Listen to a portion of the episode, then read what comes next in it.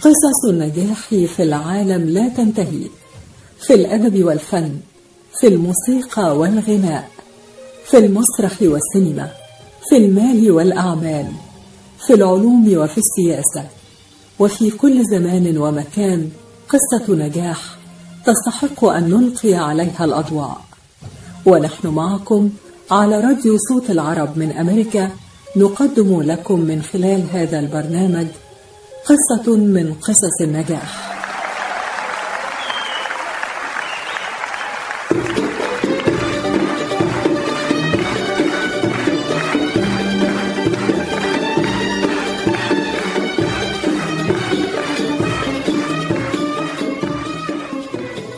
قصة نجاح.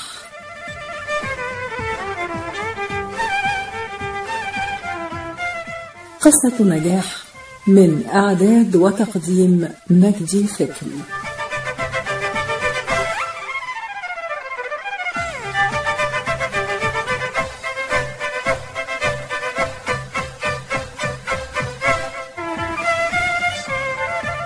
مستمعينا الأعزاء مستمعي إذاعة صوت العربي من أمريكا في الولايات المتحدة وفي كل مكان من العالم أهلا بكم معنا في قصة جديدة من قصص النجاح.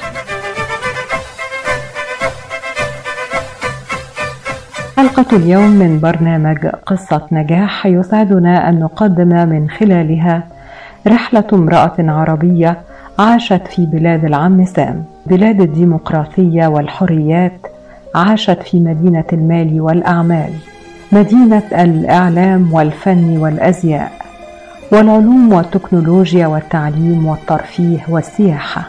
عاشت فيها وصعدت سلالم النجاح إلى أن أصبحت خبيرة في مجال المحاسبة المهنية وإدارة المبيعات بالولايات المتحدة الأمريكية. جاءت من مصر ومن مدينة الإسكندرية المطلة على ساحل البحر المتوسط وعاشت في الولايات المتحدة وأثبتت كيف يستطيع العرب النجاح في أمريكا وخصوصا في ولاية مثل نيويورك.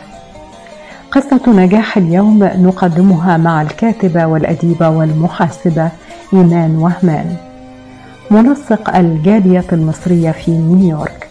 والتي تعيش في الولايات المتحدة منذ أكثر من 22 عاما.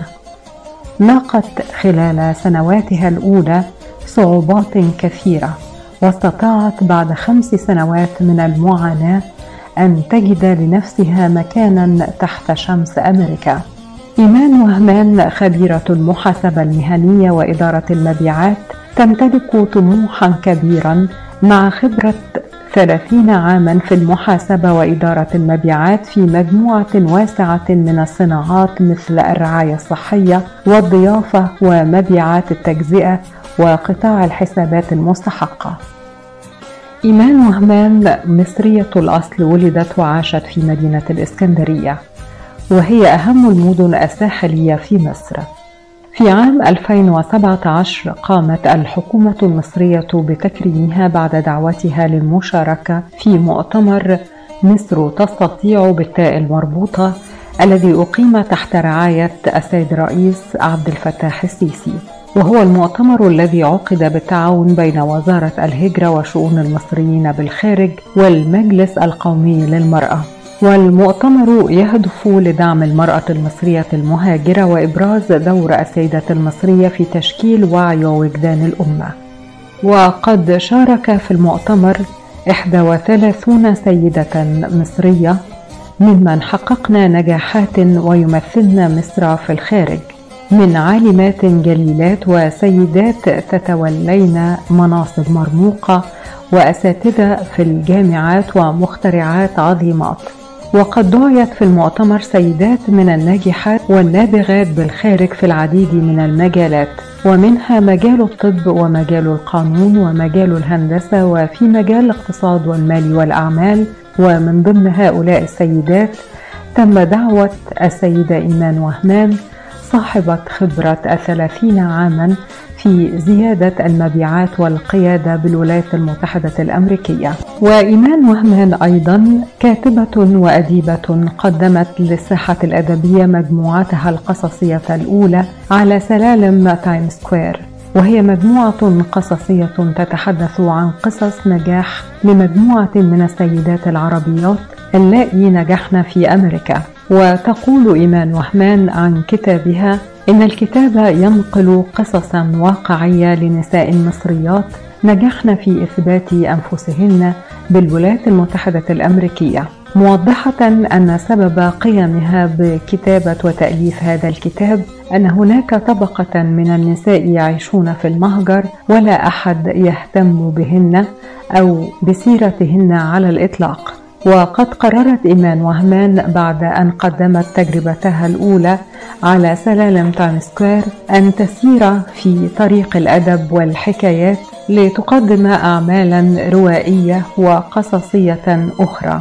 وذلك بعد أن سارت طريقا طويلا في عالم الأرقام والحسابات في مدينة المال والأعمال. الأستاذة والكاتبة إيمان وهمان منسقة الجالية المصرية في نيويورك. أستاذة إيمان أهلا بك معنا. أهلا بك يا فندم. سعداء بوجودك معنا في مصر هذه الأيام في أجازة أجازة سعيدة إن شاء الله. إن شاء الله.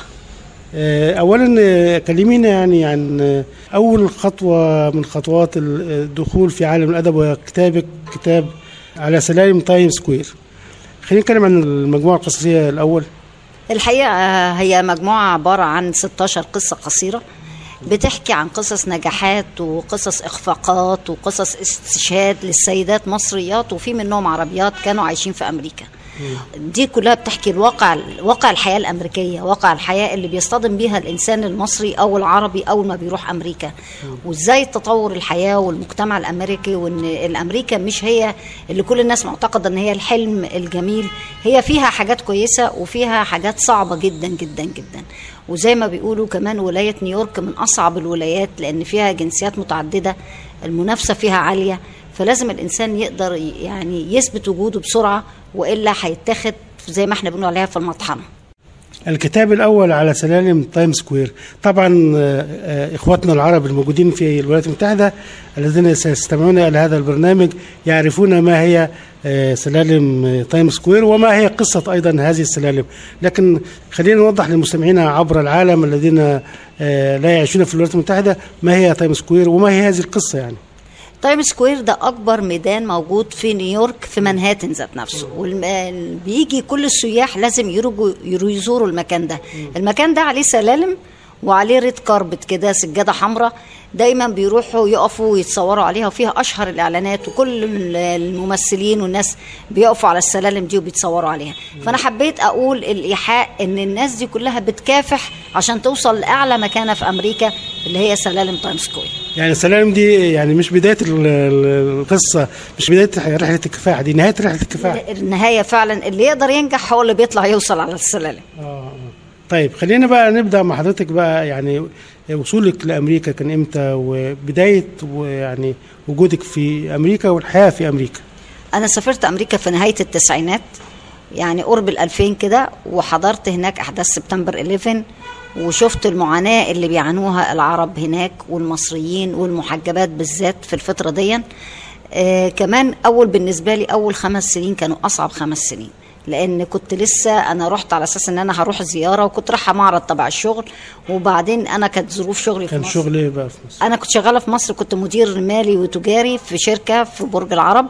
وبعدين سافرت هناك. كان حصل حضرتك ولا؟ آه سافرت لوحدي. قلت أجرب. كان حصل مشاكل هنا ليها علاقة برضو بالسياسة. فقلت كان لازم أسافر. فاضطريت إني سافرت. ورحت هناك وسبت وكنت عندي طفلين صغيرين ما قدرتش اخدهم معايا فسبت اولادي هنا وكانوا لسه اطفال. ورحت في أمريكا وقعدت خمس سنين ما قدرتش انزل. لأن ما كانش معايا. لو كنت هنزل ما كنتش هعرف أرجع وكنت بقى بدأت أشتغل هناك وبدأت يعني أظبط حالي. فما نزلتش أول مرة شفت ولادي بعد خمس سنين لما قدرت آخد الجرين كارد اللي هو يسمح لي إن أنا أروح واجي فكانوا أصعب خمس سنين في حياتي هم أول خمس سنين. بسبب اولا بعدي عن مصر بعدي عن ولادي تجربة جديدة بالنسبة لي جدا. الحياة كانت صعبة قوي. زي ما بقول في كل حتة أنا تعليم حكومي فكانت اللغة عندي مش قوية وفي الأول ما قدرتش أشتغل في أماكن أمريكان فاشتغلت مع أماكن عرب فبرضه ما عرفتش أبقى كويسة في اللغة. لحد لما قابلت ناس أمريكان نصحوني قالوا لي لا لازم ما تشتغليش عند عرب لازم تروحي كلية تدرسي. وبعد كده الحياة بدأت تمشي شوية بشوية بس هم كانوا أصعب سنين أول خمس سنين. بعد كده انطلقت في الحياة في الولايات المتحدة.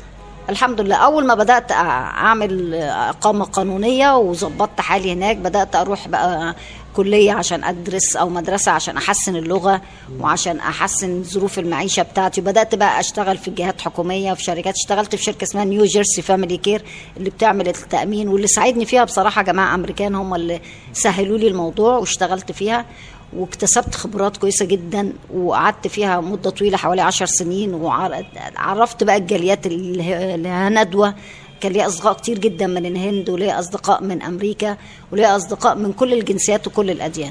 قابلت ناس محترمين جدا أمريكان وقابلت ناس عرب محترمين جدا. تعرفت على الجالية اللبنانية وعلى جاليات كتير. ومشت الدنيا بيا.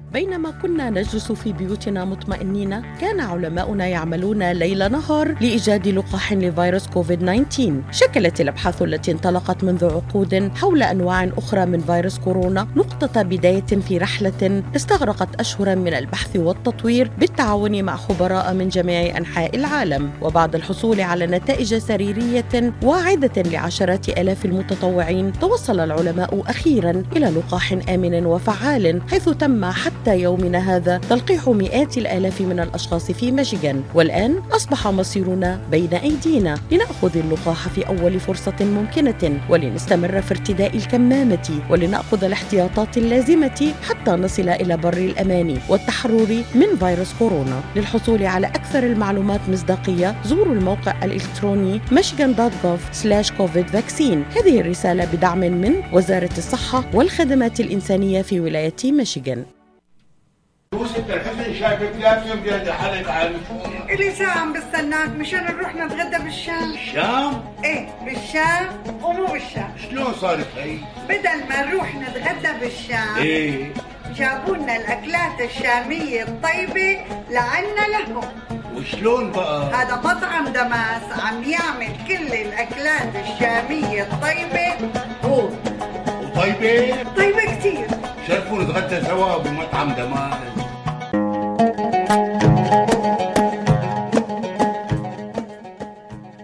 الأكل الشامي الأصيل فقط بدمس كوزين زوروهم على 28841 Orchard Lake بفارمينغتون هيلز. ولطلباتكم اتصلوا على 248 987 4609 That's 248 987 دمس cuisine and catering جبنا لكم الشام لعندكم. سوا على الهوا. على الهوا سوا عطول سوا على الهوا يأتيكم عبر أثير إذاعة صباح الخير. صباح الخير. أمريكا. أمريكا. من يوم اللي اتكون يا وطني الموج كنا سوا. واضح إن كان هناك مثابرة شديدة وصبر ويعني كفاح. آه، يعني ده كان آه، أكيد كان في تأثير من الأسرة في الطفولة إنك أنت اتعلمت الصبر ده ولا إيه؟ هو الحقيقة أنا برغم إن أنا كنت مولودة في أسرة الحمد لله كانت متيسرة بس أنا طول عمري من وأنا في إعدادي عايزة أشتغل. فكنت باجي في اجازة الصيف كنت أنا الوحيدة يعني كان أخويا ما يرضاش يشتغل وأنا اللي في الصيف أشتغل مع إن ده ما كان كانت حاجة غريبة أياميها. إن بنت تنزل تشتغل في الصيف وهنا هون في اسكندرية وهي لسه عندها 14 ولا 13 سنة. فبدأت كل أجازة إن أنا أشتغل لحد ما دخلت ثانوي ودخلت الكلية كنت بشتغل برضو فدي خلت يعني عملت عندي كنت اخده معظم صفات والدي. أنا والدي الحمد لله من أسيوط بس راجل مكافح جدا وعصامي وبنى نفسه بنفسه وكان عنده شركة شحن وتفريغ. من أبناء الصعيد يعني عشان اللي بيستمعونا من العرب من أبناء صعيد مصر يعني. أيوه والدي من أسيوط حتى اسمها أبنوب الحمام. فالحمد لله رب العالمين يعني دي قوتني وأدتني يعني زي ما نقول ق- صلابة بحيث إن أنا قابلت هناك صعاب كتيرة جدا في أمريكا. بس زي ما بتقولوا كنت يعني أنا حتى دايما أقول للناس اللي بيجوا هناك إنك أنت مش أنت وصلت لمركز معين في أمريكا خلاص لأ أنا بدأت خمس مرات. يعني كل مرة أوصل لحته معينة في شغل تحصل مشكلة يا إما إن الشغل يقفل يا إما يدونا لي off يا إما أرجع أبدأ من أول وجديد تاني. بدأت خمس مرات في كل السنين اللي أنا عشتها دي. ده جميل جدا ده يعني عايزين نعرف التجربة دي عشان ده مهم جدا إن إن الفشل يدفع للنجاح مرة أخرى يعني مش لازم الإنسان يفشل فيتوقف يعني. طبعا. وكمان حتى سبت أنا كنت عايشة في ولاية نيوجيرسي في الأول ودي كانت يعني أنا قعدت في نيويورك في الأول تسع شهور ما استريحتش فيها. نيويورك ولاية صعبة جدا جدا. وشفت فيها حاجات خوفتني منها. شفت حاجات الستات بيطحنوا قد إيه في أمريكا وعرب ومصريين ومسلمين. فطبعا خفت خفت على نفسي من الحياة هناك الحياة صعبة وممكن الواحد يقدم تنازلات. فقلت لا مش هينفع أعيش في نيويورك. وفعلا رحت بلد تانية ولاية تانية نيو جيرسي. دي يعني أهدى شوية من نيويورك وكانت آه، الحياة فيها كانت أسهل سنة. وقابلت ناس أمريكان بقى ساعدوني وناس من بنما وكده والحياة بيا مش... بعد ما استقريت في جيرسي وقعدت فيها حوالي 12 سنة والحياة مشت وبتاع رجعت حصل لي drop في الشغل تاني اضطريت إن أنا أسيب جيرسي وأروح تاني نيويورك للمطحنة تاني. بس اصبحتي أكثر خبرة أكثر قوة في مواجهة الصعاب. هو فعلا كده الحمد لله بس أنا لما رجعت برضو نيويورك أنا رجعت على أساس إن نيويورك هلاقي فيها فرص شغل أكتر لقيتها أصعب. انك انت حتى تشتغل محاسب في نيويورك دي صعبة. بس برضو اتعلمت شغلانات تانية ملهاش علاقة بالمحاسبة ولا ليها علاقة بال marketing ولا بالتسويق. اشتغلت في حاجة مجال تاني اسمه recreation therapy اللي هو بمساعدة الناس اللي عندهم زهايمر و dementia. دي ما كانتش تخصصي خالص بس المجال اللي اتحطيت فيه هم هناك دربوني وبقوا يدوني كورسات وبيدوني إزاي اتعامل مع الناس دول لدرجة إن الفكرة دي كانت خلتني أفكر إن أنا أفتح معهد هنا زيه بالظبط أو زي المستشفى متخصصة في علاج الحالات دي. بس الموضوع ده مكلف وعايز رأس مال كبير جدا. بس هو مهم. يعني حضرتك آه، التحقت بأكثر من عمل في الولايات المتحدة. طبعا. وعلى فكرة هناك في أمريكا أنت النهارده ممكن تشتغل مدير بكرة ممكن تشتغل بياع في محل. لأن ما فيش حق هناك عشان تعيش لازم تشتغل.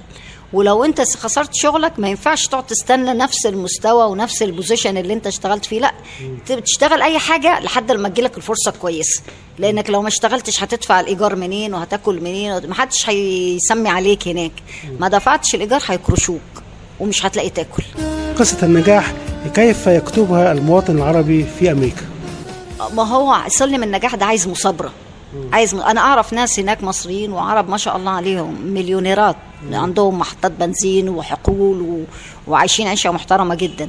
بس هو أهم نقطة عشان تنجح في أمريكا وبالذات في الوقت ده لازم تكون متعلم وتتعلم هناك. يعني يعني لازم اما تروح هناك ما تشت... تشتغل أي حاجة وتدرس.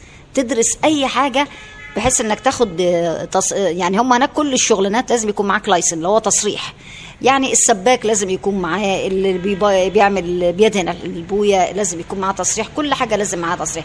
فدي أسهل طريقة إنك أنت تروح هناك تشتغل وتدرس وتاخد ال license بتاعك هتقدر تعمل فلوس وتقدر تكبر واحدة واحدة. إنما لو هتشتغل كده من تحت السلم ومش عارف إيه، عمرك ما هتكبر وعمرك ما هتوصل لأي حاجة. بدأت رحلة كتابة جميلة وأرخت العدد من قصص النجاح اللي موجودة في أمريكا من خلال كتابك على سلالم تايم سكوير آه، يعني إزاي فكرت في الكتابة واتجهتي وأنت محاسبة تعملين بلغة الأرقام والحسابات والبيانات كيف اتجهتي إلى الكتابة؟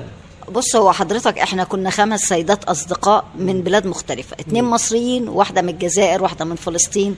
فكنا واحدة من الأردن. فكنا إحنا الخمسة دايما في كل حتة مع بعض في الويك إند في الأجازات. فأنا في يوم كنت قلت لهم هيجي يوم واكتب قصص نجاحكم كلهم. فقعدوا يضحكوا ويتريقوا عليا.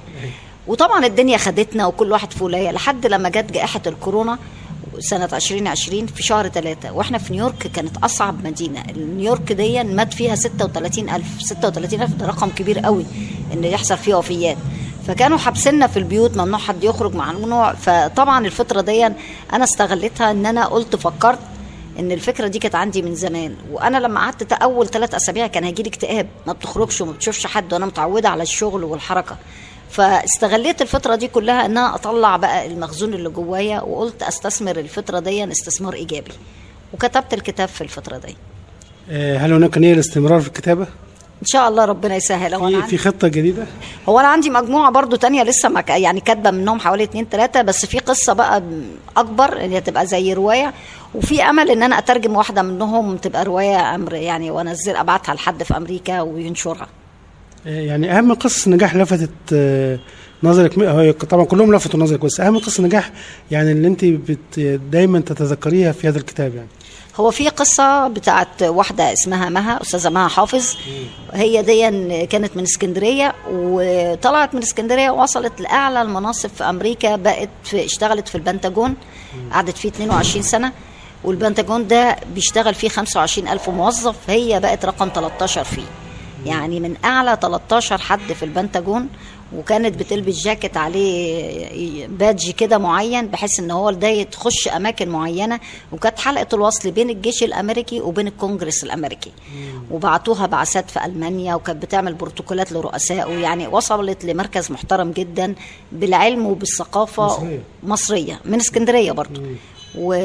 والحقيقة إن هي لما كنت بتكلم معاها عن زوجها وعن أمريكا كانت قالت لي برضو أنا كنت فاكرة زيك إن أنا أول ما أروح أمريكا ألاقي ناس بتسهر ومش عارف إيه ولابسين عريان فاكتشفت إن أهل جوزها هم من حتة اسمها أركنساس إن هم صعايدة صعايدة بمعنى ما فيش تأخير ما فيش خروج لازم في تح- تق- عادات وتقاليد تقصد يعني. بالظبط تحترم حماتها وح- وحماتها علمتها الطبخ وعلمتها شغل الكروشيه وتقول لي اتربيت من أول وجديد هناك فدي قصة النجاح يعني دايما بذكرها في كل حتة. قصص النجاح متعددة مش في المصريين فقط يعني. آه طبعا وفي كان معانا برضو فلسطينيين ومعانا أردنيين وأنا كتبت عن واحدة من فلسطين وعن واحدة من سوريا. ناس كانوا محترمين جدا ولهم ن- نجاح يعني قصص نجاح مبهرة يعني. يلا سوا يا حبي نسهر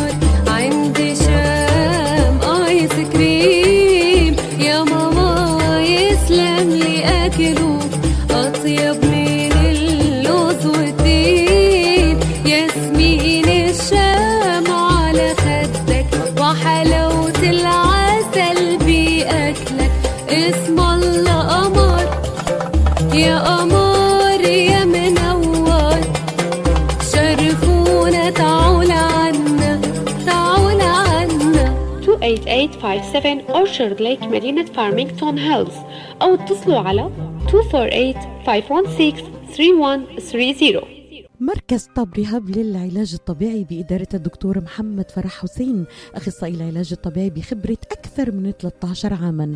طب رهاب يقدم خدمات العلاج الطبيعي وإعادة التأهيل ويضم مجموعة من أفضل أخصائي التشخيص الدقيق للحالات المرضية مع خبرة عالية في التعامل مع الحالات التي تحتاج إلى إعادة تأهيل وعناية خاصة بعد العمليات والكسور. طب رهاب يستقبل كل الحالات المتعلقة بألم الرقبة، الظهر، المفاصل، شلل الوجه، الانزلاق الغضروفي، عرق النساء، الحوادث وإصابات العمل. خبيرات في المعالجة النسائية لخصوصيات تامة للسيدات. عندما تبحثون عن رعاية متميزة اقصدوا توب ريهاب للعلاج الطبيعي الواقع على 15001 ميشيغان افنيو وللمواعيد اتصلوا على 313 846 0555 That's 846 0555 سوا على الهوا. على الهوا. سوا. عطول سوا على الهوا. يأتيكم عبر أثير إذاعة صباح الخير. صباح الخير. أمريكا. أمريكا. من يوم اللي اتكون يا وطني الموج كنا سوا. طيب العلاقات بقى بين الجالية العربية الجاليات العربية في أمريكا إيه، ماذا يربطهم ببعض يعني؟ هل هناك تواصل؟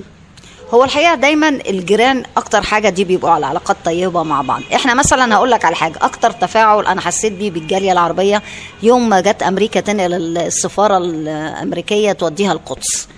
الناس في نيويورك بالذات بتتفاعل لأن فيها جنسيات كتير. فأنا خرجت يومها وصورت كان موجود كل أعلام الدول العربية. مغرب وتونس والجزائر وليبيا ومصر وكلهم كانوا متكاتفين ضد نقل السفارة الأمريكية للقدس وطبعا كان آه، وصلوا في ميدان في ال- التايم سكوير وقفنا هناك والأذان أذن وصلينا هناك وبصوت عالي وكان يومها كان موقف يعني رهيب بصراحة موكب المومياوات الأخير ده آه، كنت في أمريكا ولا كنت هنا؟ لا أنا كنت في مصر بس عرفت رد فعله لأن في نفس الوقت أصحابي اللي هم في أمريكا اللي هم معايا في الجالية طلعوا عملوا آه، الدور لبسوا فراعنه ومشوا في برضه في الشوارع في أمريكا. فطبعا بهروا العالم كانوا بيلفتوا نظرهم للحدث اللي هيحصل. الولاد بقى المصريين اللي هم مولودين هناك كانوا بيصوروا من التلفزيون وبيحطوا على صفحاتهم على الفيسبوك ويقولوا ويترجموا لأصحابهم. ده بيحصل كذا في مصر وده كذا والأمريكان كانوا منبهرين. واشنطن بوست كتبت بالتفصيل نيويورك تايمز كتبت بالتفصيل. لا يعني كان مسمع في كله. علاقة الأمريكان بقى بالتاريخ المصري الفرعوني القديم. على فكرة الأمريكان شعب طيب جدا عكس ما إحنا عارفين واخدين فكرة عنهم وبيحبوا المصريين قوي. ودايما لما نكلمهم نقول لهم أنا مصري هم بينبهروا.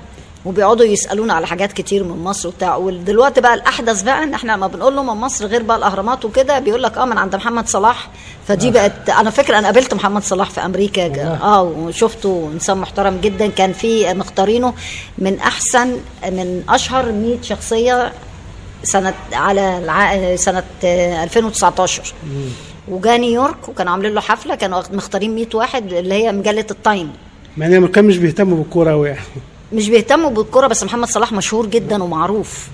وبعدين أمريكان أمريكا فيها أمريكا الجنوبية بيحبوا الكرة جدا وهم نصهم عايشين في أمريكا.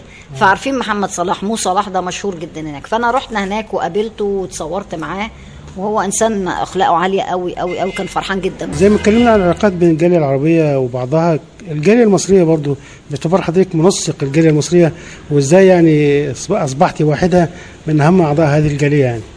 هو الحقيقة بالذات نيويورك لأن نيويورك ونيوجيرسي فيها جزء كبير جدا أعداد كتيرة جدا من المصريين.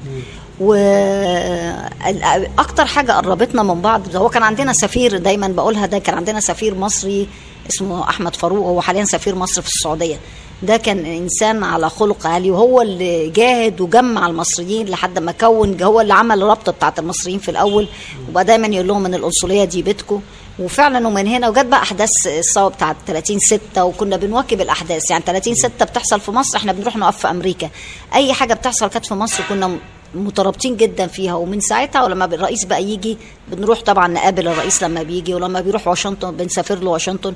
فحصل الربط بين الجالية كلها بسبب الأحداث اللي بتربطنا بمصر. كان اسالك عن الفرق بين المجتمع الأمريكي والمجتمعات العربية في الدول العربية يعني؟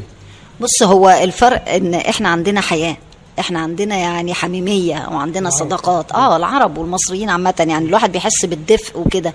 عكس أمريكا هم على فكرة دلوقتي بدأوا يبقى عندهم شوية بس مش زينا. إن يعني الواحد لما يجي إن هو يعني يحس إن هو بقى في بيته أي بيت بيته. يعني أنا مثلا لما بقعد أحكي لأصدقائي الأمريكان عن رمضان بقول لهم إحنا في رمضان بنعمل حاجة اسمها مائدة الرحمن. وأقعد أشرح لهم مائدة الرحمن. هم مش مستوعبين يعني إيه ناس تصرف وتحط في الشارع ترابيزات والناس تيجي تاكل. أنتوا هبل أنتوا بتعملوا كده ليه يعني؟ هم مش مستوعبين الموضوع ده. إن في حاجات كتير جدا. يعني مثلا لما كنت بحكي لهم بقول لهم أنا ابني ببعت له فلوس عشان بيتجوز يقولوا لي إيه ده؟ هو مش عدى 18 سنة أنت إزاي بت يعني أنتوا بتعت... بتخلوا الاولاد يعتمدوا عليكم ده غلط وكده هم ليهم نهج تاني غيرنا خالص. هو للأسف طبعا مائده الرحمن اتمنعت السنة اللي فاتت والسنة دي بسبب كورونا لكن العيد العيد في مصر والدول العربية والعيد في أمريكا بقى. هو إحنا في العيد كل أهم حاجة بنعملها إن إحنا بننظم صلاة العيد. كان زمان صلاة العيد بتبقى في الجوامع مفتوحة وبيبقى بي- بيصلوا صلاتين عشان الناس تلحق. إحنا السنة اللي فاتت في العيد كان جاي في الكورونا. فخدنا تصريح من البوليس قال لك إن يكون التجمعات عدد معقول ورحنا صلينا في الجناين وطبعا كانوا بيتفرجوا علينا وعارفين إن في عيد. وبعد كده عملنا فطار وبقى اللي يجي عايز يتفضل يفطر معانا وعملنا كحك العيد وبتاع. يعني إحنا بنحتفل على قد ما نقدر. وهم على فكرة دلوقتي في نيويورك بيدوا أجازات في الأعياد المسلمين. ده كفاح منكم دي يعني؟ آه في نيوجيرسي اتكلمنا كذا مرة وبتاع فبقوا زي ما بيدوا اليهود أجازات في أعيادهم وكده فبدأوا يدوا المسلمين في العيد بتاعهم يوم المدارس بتدي أجازة وكده على الأولاد. أعتقد إن مستمعينا نفسهم يع- يعني ياخدوا فكرة كده عن نيويورك بعيدا إنها صعبة و... ويعني الحياة فيها صعبة لكن عايزين ياخدوا فكرة عن نيويورك المدينة الساحرة طبعا. هي نيويورك بلد جميلة وفيها أماكن تتزار كتير جدا وفيها فسح حلوة قوي اللي ما راحش نيويورك كأنه ما راحش أمريكا ده في نظري. زي باريس كده ما حدش ينفع يروح فرنسا من غير ما يروح باريس. فهي نيويورك كده. نيويورك كمان فيها أكبر شبكة مواصلات يعني فيها ال subway يعني أنت لو عايش في نيويورك مش هتحتاج عربية. لأن تكلفة العربية في ال parking بتاعها أغلى من إنك أنت تركب عربية إنما تركب بالمواصلات سهلة جدا هناك وبالكارت تركب بيه كذا مرة في اليوم ما فيش مشكلة. فهي بلد أنا أول ما حاجة ما رحت أمريكا أمريكا بهرني جدا شبكة المواصلات اللي في أمريكا وكمان بهرني ال system. يعني الأشغال هناك لو اي لو صاحب الشغل مات الشغل ماشي. ما فيش الشغل ما بيقفش على حد. هو system وبيمشي زي الترس. بيبقى منظم والناس بتحترم مواعيدها جدا جدا والمواصلات بيحترموا مواعيدهم. يعني لأ فيهم حاجات كويسة جدا. أتمنى إنها تكون المرور. ما فيش عسكري مرور واحد ومع ذلك كل العربيات بتقف في الوقت في الإشارات والناس بتحترم الإشارات وبتحترم ال- الضوء الأحمر والأخضر. دي حاجات كلها ميزات كويسة جدا موجودة في أمريكا. الجاليات المصرية أو العربية اللي موجودة في الولايات المتحدة بصفه يعني أنت حضرتك اتكلمتين عن نيويورك لكن في تواصل بينكم بين الجاليات العربية والمصرية في الولايات الأخرى زي ميتشيجان مثلا؟ آه طبعا عندنا أصحاب في كل حتة ولما بتحصل حاجة كلنا بنبقوا بنسأل على بعض فيها. لو حصل أي مشكلة مثلا في الجو أو في لو قدر الله حوادث بنبقى على اتصال. ولنا أصحاب في كل حتة في كاليفورنيا وفي جيرسي وفي كل حتة في نيويورك في واشنطن. فيعني أنا متهيألي الرياضة والفنانين هم دول أكتر ناس يقدروا يجذبوا الجالية كلها. بدليل إن إحنا لما بنلاقي حفلات مثلا زي تامر حسني ولا حمد هلال جم بنلاقي كل الجنسيات بتحضر الحفلات. لكن ما فيش آه، رابطة تجمع كل العرب اللي موجودين في أمريكا. لا ما فيش. نتمنى إن يحصل كده. في فكرة مثلا في تخطيط لده ممكن؟ والله أنا عن نفسي إحنا بنحاول نجمع المصريين فربنا يسهل نقدر نجمع العرب كمان. نجمع المصريين الأول في الولايات المتحدة ثم العرب يعني لو دي تبقى خطوة جميلة منك يا استاذه أيمان. هو أنا شفت تجمع عربي يوم محمد صلاح ما جه لعب ماتش في نيو جيرسي بصراحه انبهرت. شفت مج... تجمع كانوا جايين يتفرجوا عليه وبيشجعوه والمغرب وتونس وليبيا وكل العرب اللي موجودين كانوا جايين عشان يتفرجوا على ليفربول. هو كان بيلعب مع مانشستر. هم مش عايزين يتفرجوا على ليفربول هم جايين يتفرجوا على محمد صلاح. العطاء قصة رائعة. بدايتها إنسان يهتم ونهايتها إنسان يحتاج. مؤسسة الحياة للإغاثة والتنمية.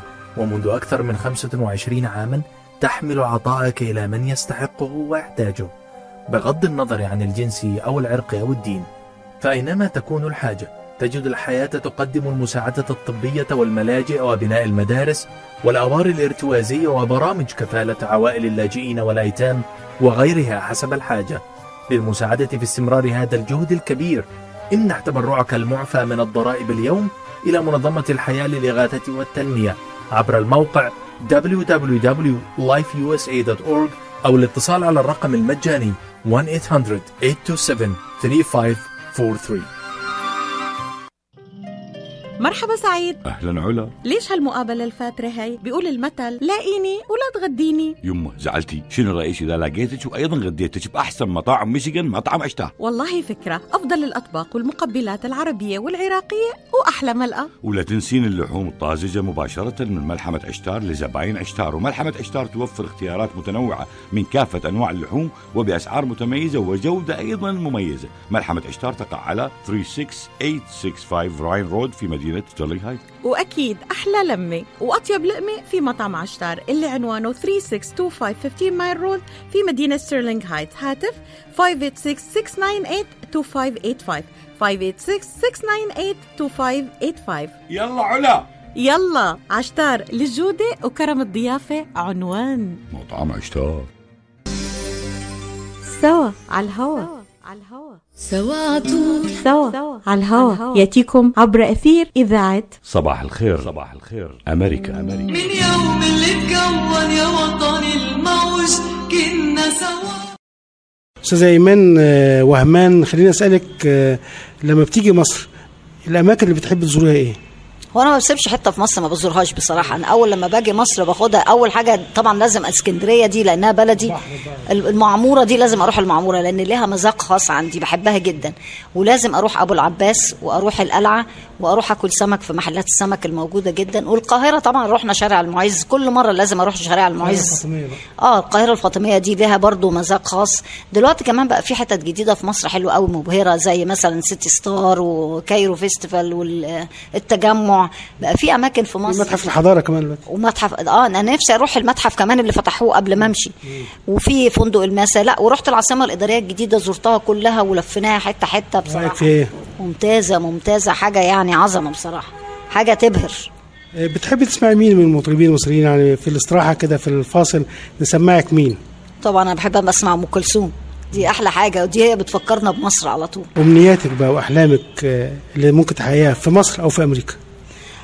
أحلامي إن الكتاب بتاعي ده يتاخد منه قصة أو حاجة تتعمل فيلم أو تتعمل حاجة مسلسل لأن بصراحة هي فعلا الناس دي يستحقوا إن إحنا نعرفهم ونلقي عليهم الضوء ده الحلم الحلم الثاني إن زي ما حضرتك بتقول إن, نشوف الدول العربية متجمعة في رابطة يكون لهم كيان موجود زي. أي زي أي لوبي موجود بره إحنا يبقى لنا كده كيان ونبقى قوة مؤثرة لأن إحنا فعلا قوة مؤثرة استاذه إيمان وهمان لو سألتك يعني آه، الحلم الأمريكي مواصفاته إيه؟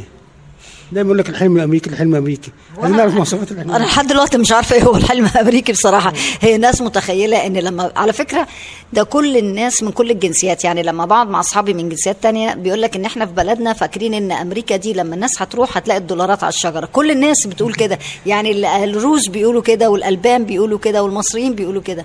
إن هي أمريكا أصلا مش حلم ولا حاجة. زي ما هي بلد محتاجة إنك أنت لو متعلم هتعرف تعيش فيها كويس وعندك لغة وعندك أدواتك هتعيش فيها كويس. زي أي بلد إنك أنت بس أنت ممكن تعيش في أمريكا بس ما تعملش فلوس على فكرة. طيب خلينا بقى باعتبارك يعني واحدة من آه، أهم أعضاء الجالية المصرية في نيويورك منسق الجالية وأهم أعضاء الجالية العربية أيضا في الولايات المتحدة. يعني تنصحي إيه الشباب اللي عايزين يسافروا واللي حلمهم إنهم يهاجروا لأمريكا؟ أول حاجة إن هو قبل ما يروح لازم يكون عارف هو رايح ليه وهيعمل إيه وهدفه إيه. لازم يحدد هدفه قبل ما يمشي. يعني أنا شفت طلبة خارجين في سنة خمسة في كلية الطب سابوا الكلية واتبهدلوا هناك في أمريكا. لا لازم أنت تحافظ على مستواك. النهارده هنا ناس لو خدت شهادات يعني وتخرجت من الجامعة زي الأكاديمية مثلا دي معتمد بيها في أمريكا هناك. لو معاك شهادة أو الخريج الصيدلة بيجي هناك بيعمل معادلة سنتين وبيبقى حاجة تانية خالص. أمريكا عايزة الناس اللي معاها علم دلوقتي. التكنولوجيا طبعا. آه طبعا هندسة وحاجات. محاسبين وكده. كلمة أخيرة للأستاذة إيمان وهمان منسق الجالية المصرية في نيويورك والكاتبة أيضا وصاحبة أول كتاب لها على سلالم تايم سكوير. تقولي إيه للجالية العربية الموجودة في الولايات المتحدة؟ أنا طبعا أنا زي ما أنا قلت إن هم يعني يا ريت يبقوا كلهم قلبهم على قلب بعض ويعملوا قوة لهم في أمريكا بحيث انهم يقدروا يبقوا مؤثرين يعني يخشوا الكونجرس ويبقى لهم كلمة. هم حقيقي دلوقتي ليهم وضع. آه وليهم وليهم كلمة بدليل إن أي رئيس بيجي يخش الانتخابات بيحاول يأثر عليهم. يقول أنا هعمل كذا وأنا هعمل كذا وطبعا ما بيعملوش حاجة. بس فعلا إحنا بقينا قوة ونتمنى إن إحنا نبقى أقوى إن شاء الله. بشكرك جدا جدا الأستاذة إيمان وهمان منسق الجالية المصرية في نيويورك الكاتبة والأديبة وإن شاء الله نلقاك دائما على خير ونلقاك وقد أصدرت عدة أعمال أدبية. إن شاء الله. ميرسي جدا وألف شكر لحضرتك شكرا لكم مستمعينا الكرام وإلى اللقاء مع حلقة جديدة وقصة جديدة من قصص النجاح.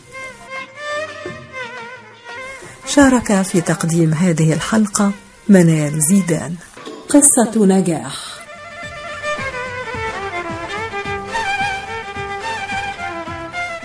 قصة نجاح من أعداد وتقديم مجدي فكري.